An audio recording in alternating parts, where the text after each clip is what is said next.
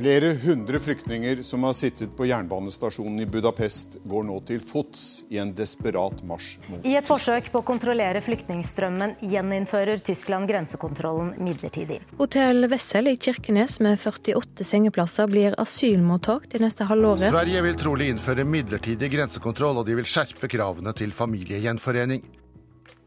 Oppslagene omkring flyktningsituasjonen i Europa har vært mange og massive.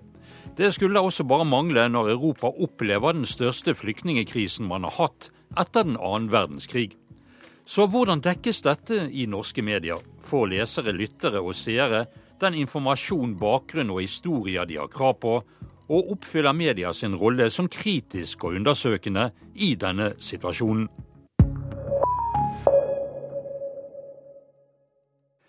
Lars Akerhaug er journalist og forfatter. Han er tilknyttet det liberalkonservative tidsskriftet Minerva. Han har på oppfordring fra fagbladet Journalisten analysert hvordan mediene dekker flyktningkrisen, og han er ikke imponert. Nei, Jeg fant jo ut at uh, mange journalister velger å gjengi asylsøkernes historier uh, ganske ukritisk. Det er for så vidt ikke noe nytt. Uh, vi har også sett tidligere at norske medier har drevet det som må kunne karakteriseres som kampanjejournalistikk eh, når det gjelder enkeltsaker.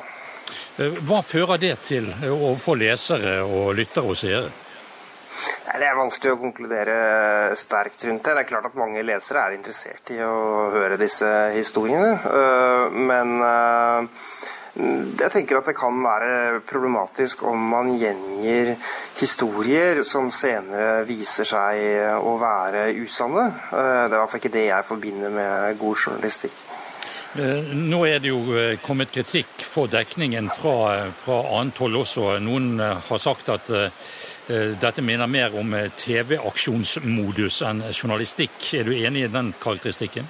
Altså, det jeg har vært opptatt av, det er at, at, jeg synes medienes gjengivelser av asylsøkernes egne historier eh, ofte blir veldig ukritisk. Man tar for god fisk det asylsøkerne forteller, og det virker ikke som man bryr seg om verken å stille kritiske spørsmål eller å sjekke rekke opplysninger, selv eh, opplysninger som er enkelt etterprøvbare. Eh, og da tenker jeg at det forteller noe om eh, journalisten som avsender i disse sakene. Altså, det er jo ikke forbudt å drive kampanjejournalistikk i Norge. og Mange lokalmedier har f.eks. valgt uh, å drive kampanjejournalistikk i enkeltsaker. Uh, Når det er saker som engasjerer i, i lokalmiljøet, så har man tydelig valgt uh, stilling og tatt side. det har man jo ikke på, måte, på samme måte gjort og proklamert i forbindelse med flyktningkrisen nå. og det er klart at det, er, det, er litt, det kan kanskje være litt uvant at aviser som VG, Dagbladet, medier som NRK Eh, velger å helt ukritisk gjengi eh, disse historiene uten å stille kritiske spørsmål. Det er jo ikke det vi er vant til fra disse mediene. Men, men redaktørene må jo selvfølgelig få lov til å styre avisene som de selv ønsker. Men Har du noe, noen eksempler eh, på dette? Jeg skrev en, sak, en lengre sak i Analyse i Journalisten nå, hvor vi f.eks.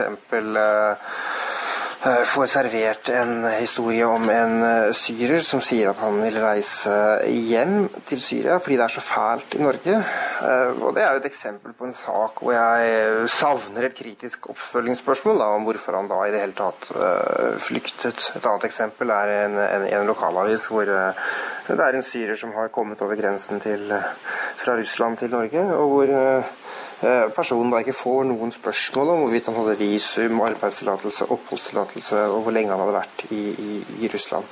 Så dette er på en måte eksempler på saker da, hvor, hvor, journalistene kunne ha stilt noen kritiske oppfølgingsspørsmål, men har valgt å ikke gjøre det, eller eventuelt å utelate det fra saken som ble publisert. Fra ditt ståsted virker dette sedat, syns du?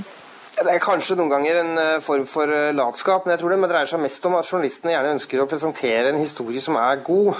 Uh, og jeg, tror sånn helt generelt i norsk presse så er det sånn at man ofte er litt sånn redde for å, å ta med punkter og momenter i en historie som, som, åpner for tvil. Man ønsker at historien skal være så god som mulig. Uh, og Da velger man gjerne i sånne typer saker som dette, hvor man er på jakt etter en god case, og utelate de delene av historien som ikke virker like engasjerende, som ikke er like egnet til å vekke sympati. Jeg ville kanskje valgt å, å løse noen av disse sakene litt annerledes. Har du registrert forskjeller mellom de andre nordiske landene, måten media der dekker det på, og eh, her hjemme? Mitt inntrykk er at det er ganske likt. Eh, at eh, mediene dekker disse sakene på samme måte i Danmark og, og Sverige. Vi ser, at i den danske, vi ser imidlertid at i den danske debatten om flyktningkrisen og, og, situasjonen i Europa, så er det flere stemmer. Så den danske politiske debatten tror jeg er mindre ensidig enn det den er særlig i Sverige og også til en viss grad i Norge. Men jeg tror mediene likevel dekker disse sakene på ganske like samme måte. Har du inntrykk av at uh, den, uh, disse spørsmålene som du nå løfter opp, uh, at det er en løpende debatt i redaksjonene blant journalister og redaktører? Mitt inntrykk fra min tid som journalist i Aftenposten og VG er at det ikke er noe særlig bevissthet rundt hvordan man dekker disse sakene. Det er ganske tilfeldig, og det styres ofte etter hva den enkelte journalisten og redaksjonssjefen er opptatt av. Nei, men jeg tror man skal være bevisst at mange journalister og mange som jobber i avisredaksjoner, gjerne har ganske liberale holdninger til, i asylpolitikken, og at dette ofte vil gjenspeile seg i, dekningen, naturlig nok. Uh, og Da er det i hvert fall viktig at man leter etter alternative stemmer og tar med seg den kritiske sansen også når man oppfatter at man er på arbeid for den gode sak. Sa journalist Lars Akerhaug. Per Arne Kalbakk er nyhetsdirektør i NRK. Han mener norske medier så langt har gitt en balansert dekning av flyktningsituasjonen i Europa. Jeg mener at hvis man ser, på det stort og overordnet, da får jeg først og fremst snakke på vegne av NRK som jeg representerer, så mener jeg at vi samlet sett har, har vist fram både bredden, eh, kompleksiteten, eh, positive og negative enkelthistorier, eh, snakket om konsekvensene og hatt, eh, hatt brede debatter både eh, hva angår norsk og, og, europeisk og internasjonal politikk. Og så er det jo sånn at det betyr ikke det samme som at vi er at vi gjør jobben like godt hver dag. Det kan nok finnes eksempler også hos oss på både enkeltinnslag, enkeltsaker og dager hvor vi kanskje har vært for lite uh, kritiske til, til de, som, uh, de, som, er veldig positive til f.eks. å ta imot uh, flyktninger og mener at det er viktig. Men forstår du reaksjoner fra enkelte som sier at dekningen har vært at media omtrent har gått i såkalt TV-aksjonsmodus og viser bare positivitet og ikke opprettholder avstand og og bedriver en kritisk journalistikk inn mot dette? Jeg er nok ikke enig i en, i en, sånn beskrivelse. Og det er også mitt inntrykk av at den type beskrivelser ofte bygger på at man finner fram enkeltsaker som bekrefter et slikt syn, og så ser man ikke de ganske mange sakene som, som går, en, går en annen vei. Hvis vi ser på hvordan NRK har jobbet f.eks. med konsekvenser av å ta imot mange flyktninger til Norge, så er det jo slik at vi i flere omganger, og senest for i, i, forrige uke jo gjorde beregninger på hvor mye det vil koste f.eks. å ta imot 100 000 flyktninger. Og med hjelp av tall fra Statistisk sentralbyrå så kom vi da fram til at det kan koste eh, samlet 750 milliarder over et, eh, over et, gjennomsnittlig livsløp, som er det man bruker for å beregne slikt. Og skulle vi tatt det som et snitt, så er det 12,5 milliarder i året. Det er jo mye penger. Eh, så er det selvfølgelig sånn at disse kostnadene fordeler seg ulikt, men det er jo åpenbart at dette er mye penger som må håndteres eh, på et vis. Og det satte jo i gang en stor og bred debatt om hvordan, hvordan slike kostnader skal takles. Og også, eh, mener jeg, da er en åpenbar problematisering av det det moralske ansvaret mange mener at et land som Norge bør ta, med å ta imot mange flyktninger. Så det er ett eksempel. Eh, vi har vært med FrPs nestleder Per Sandberg til, eh, til Libanon for å se på flyktningleirer i nærområder, og ga, brukte mye plass på å la ham forklare hvorfor han mente at det var viktigere enn å ta imot flyktninger i Norge. Og sånne eksempler finnes det, finnes det mange av. Eh, det som er viktig i slike debatter, det er jo å finne andre stemmer. Stemmer som står for andre syn. Og det er klart at noen dager er vi flinke til å gjøre det, men jeg ser at andre dager kunne vi vært helt klart bedre. Men hvor viktig er det at denne debatten holder seg levende? For disse inntrykkene vi får, eh, vi er jo bare mennesker selv om vi er journalister også, eh, det, det er jo overveldende.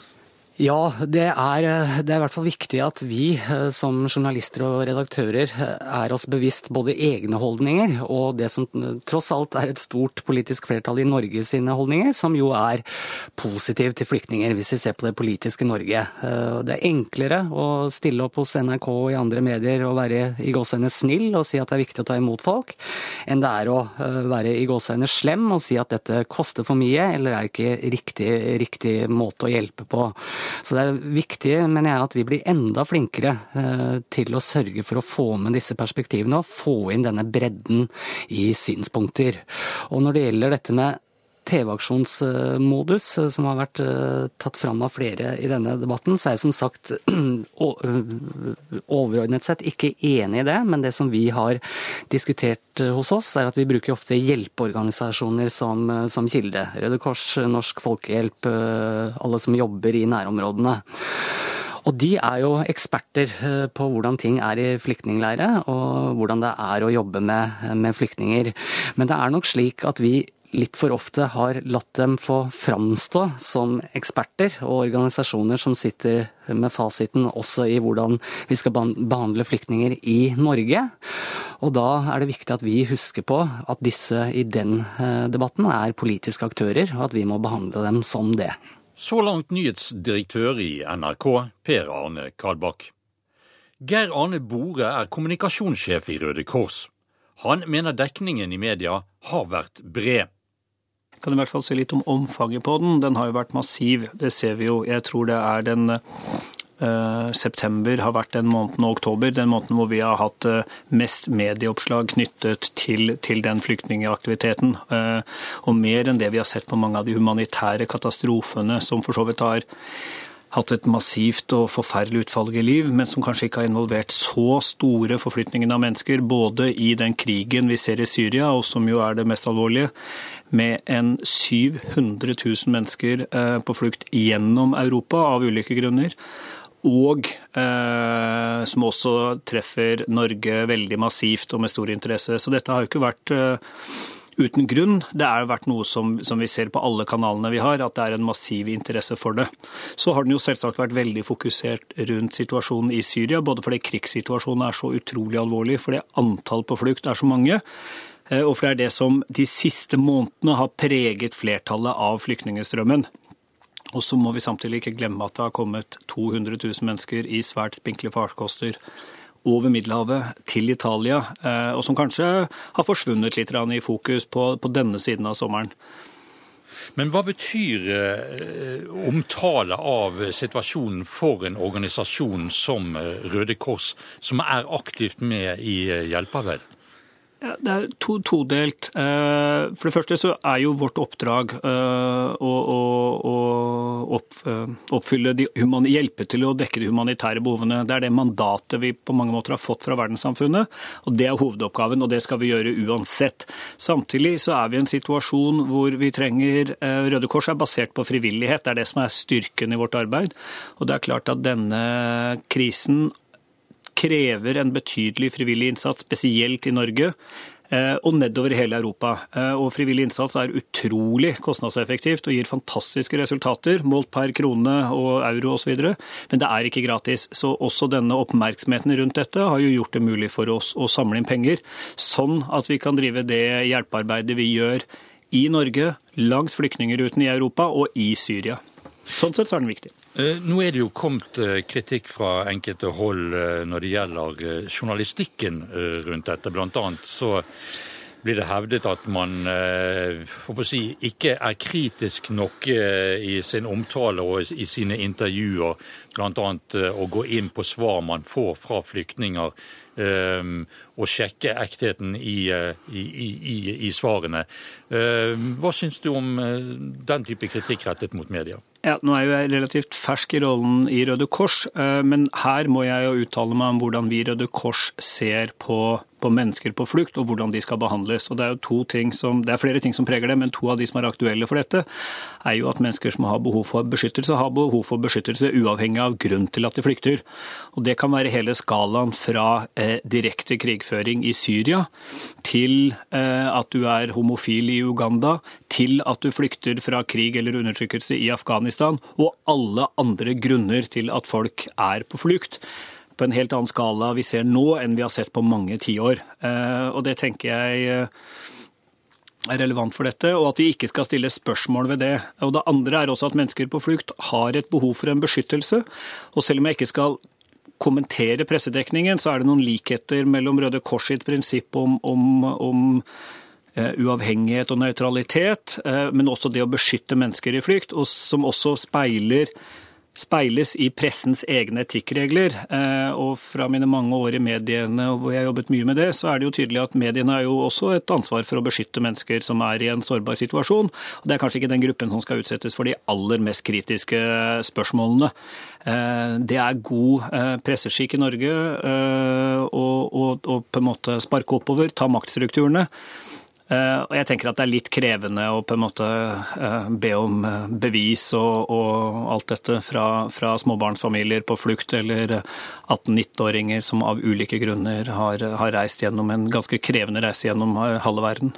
Men, men, når det er sagt, så er det sånn, vi skal jo ikke legge oss opp i hvem er det som får beskyttelse. Det er på en måte myndighetenes ansvar. Vi skal bare sørge for at vi gir dem den hjelper dem med de humanitære behovene de har underveis, og at den prosessen som skjer, er i tråd med de humanitære prinsippene som på en måte gjelder for hele verden. Eh, men hvor viktig er det at, eh, at, tror du da, med din bakgrunn som eh, pressemann, at dekningen blir gjenstand for en kontinuerlig diskusjon eh, blant også pressefolk, og, og, gjerne også organisasjoner som din egen?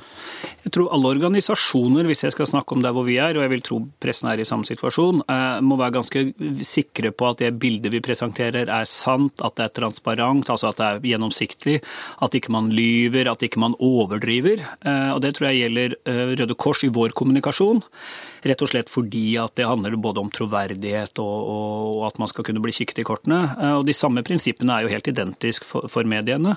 For å få folk, Du sa jo også frivillighet, og at folk åpner lommebøkene sine for å, å, å, å gi for å ja, f.eks. til Røde Kors for å avhjelpe den situasjonen flyktningene er i. Eh, så er man jo nødt til å ha en, en, dekning, og gjerne på det individuelle plan, for at uh, dette skal gå inn uh, i folk. At dette er en katastrofe, og ikke bare peke på det store gross. Nei, altså vi for vår del, og det tenker jeg samme må gjelde for, for, mediene, må jo ha to tanker i hodet, eller tre. Det ene er jo det er enkeltmennesker, eh, og det er enkeltmennesker med sine fortellinger, som er viktig bare for å forstå omfanget av dette, uavhengig av om man vil være frivillig eller, eller gi penger. Men dette er jo noe som det er massiv interesse for i høst i det norske folk. Og det å forstå det og det å kunne sette seg inn i det er viktig, og det er gjennom enkeltmenneskene. Sånn er det her i livet. Men samtidig så trenger vi jo faktaene helt ned til hvor mange mennesker kommer på Lestfoss hver dag, hvor mange har kommet til Hellas i år, i fjor versus i osv. Alt dette faktadrevne. Så det er jo liksom blandingen av det pluss policy på toppen. For det er klart, det som kan være krevende i en situasjon hvor vi snakker mye enkeltmennesker, er jo å se helheten og se politikken i det. Og Det blir jo viktig, sånn som nå vi går inn i situasjonen med en, en statsbudsjett hvor, hvor, dette vil prege veldig mye av prioriteringene i statsbudsjettet, sannsynligvis. Sa kommunikasjonssjef i Røde Kors, Geir Arne Bore. Arne Jensen er generalsekretær i Norsk redaktørforening. Han mener de norske medienes dekning av flyktningkrisen har vært nøktern, i alle fall så langt. Nei, Mitt inntrykk er at norske medier har bestrevet seg på å beskrive det som jo helt åpenbart er en svært dramatisk situasjon, kanskje en av de mest dramatiske Europa har stått overfor siden eh, andre verdenskrig hva gjelder humanitære eh, utfordringer. Eh, og, og, det er klart at her skjer det mye samtidig, og det er snakk om eh, mange mennesker, og det er snakk om eh, både praktiske og politiske problemstillinger. og Det er mye som skal det er mange tråder å nøste i, og det gjør det også krevende å jobbe med journalistisk. Men det generelle bildet tror jeg er at vi har både bestrevet oss på og i stor grad lykkes med å gi et, eh, et, et ganske bredt bilde av, av, hva som nå skjer. Det naturlige punktet å starte er jo, er jo å formidle skjebnen til de menneskene som, som nå har, har, kastet seg ut i båter og, og, og, på annet vis forsøker å flykte fra, en, fra et land som er i, i, helt i oppløsning, og som jeg knapt tror vi kan forestille oss hvordan, hvordan det er å leve i. Arne Jensen synes ikke kritikken om en ukritisk journalistikk inn mot flyktningene treffer mål. Nei, det er jo, det er jo vanskelig å, å, å, registrere sånn, fordi at hvis man skal Eh, hvis man skal eh, gå inn i den problematikken, så er det, det er ganske krevende. Fordi her står vi overfor mennesker som eh, i utgangspunktet er i en, i en veldig vanskelig livssituasjon, for å si det forsiktig.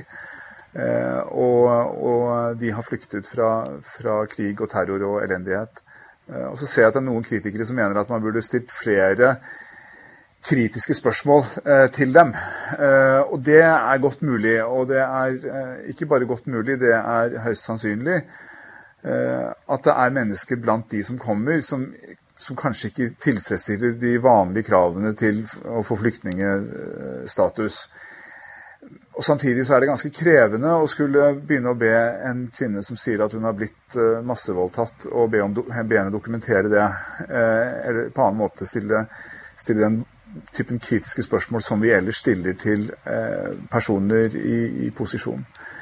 En annen ting er at man, må, man, kan drive kritisk journalistikk ved å gå på baksiden og, og, spørre de som er eksperter og som kan forholdene. Er det sånn at eh, alle disse som kommer, har et reelt, eh, et, et reelt behov for vern? Det vil, er det noen som har gjort, og det er også de som har svart at nei, selvfølgelig er det ikke slik. Eh, men jeg syns det er et sympatisk utgangspunkt for journalistikken at man, at man inntar det som, som, fremstår som den svake parts eh, ståsted når man skal se på en humanitær situasjon som det vi har nå. Det å drive, det å drive løpende nyhetsdekning det er å skrive historiens kladdebok, som, eh, som den legendariske redaktør Kåre Valbrok sa. Det hadde han helt rett i. Men hvordan dekker så norske medier flyktningekrisen i forhold til aviser, radio og TV i de andre nordiske landene? Ganske så forskjellig, sier nyhetsdirektør i NRK, Per Arne Kalbakk. Ja, nå skal, jeg, eh, nå skal, ikke jeg, påstå at jeg kan dette i detalj, men jeg har jo fulgt med en del. Både på den svenske, eh, finske og danske debatten. Og den danske ligner ganske mye på, på vår. Eh, den finske er litt, er litt, spesiell og preget av veldig, veldig steile og uforsonlige fronter. Fordi Finland er et land som fram til nå knapt har tatt imot flyktninger, så det er en ny situasjon for dem. Mens i Sverige så er det mitt inntrykk at de store mediene i stor grad legger lokk på den kritikken og kritiske holdningen til å ta imot svært mange flyktninger, som jo, eh, når vi ser på meningsmålinger og den debatten som er på nettet, er svært utbredt i Sverige. Men jeg mener at både i Norge og i Danmark så kommer, eh, kommer disse perspektivene og denne motstanden tydelig fram eh, i det vi lager, og mye tydeligere enn i Sverige i hvert fall. Hvor viktig er det at denne, denne diskusjonen holdes varm innad i redaksjonene?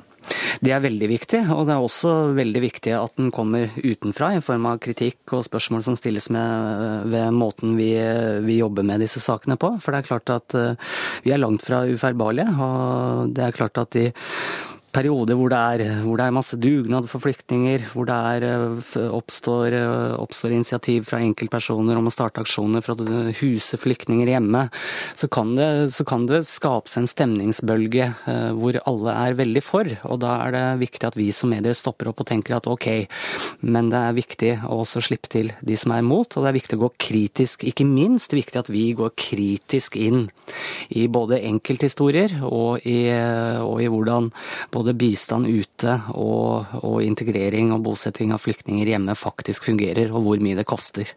Det har vel fremkommet eh, kritikk mot NRK at man på en måte eh, ikke i tilstrekkelig grad tar med de som er kritisk til innvandrere og flyktninger i, til, til, til Norge? Hvis vi ser på den politiske debatten, eh, så må vi også huske på at NRK må ta utgangspunkt i den politikken som faktisk finnes i Norge. Eh, og på Stortinget så er det ett parti, Fremskrittspartiet, som står for et annet syn enn alle de andre partiene. Da er det viktig for oss at eh, Frp er rikt og godt representert i våre debatter om dette temaet, men det er klart at de kan ikke være med hver gang.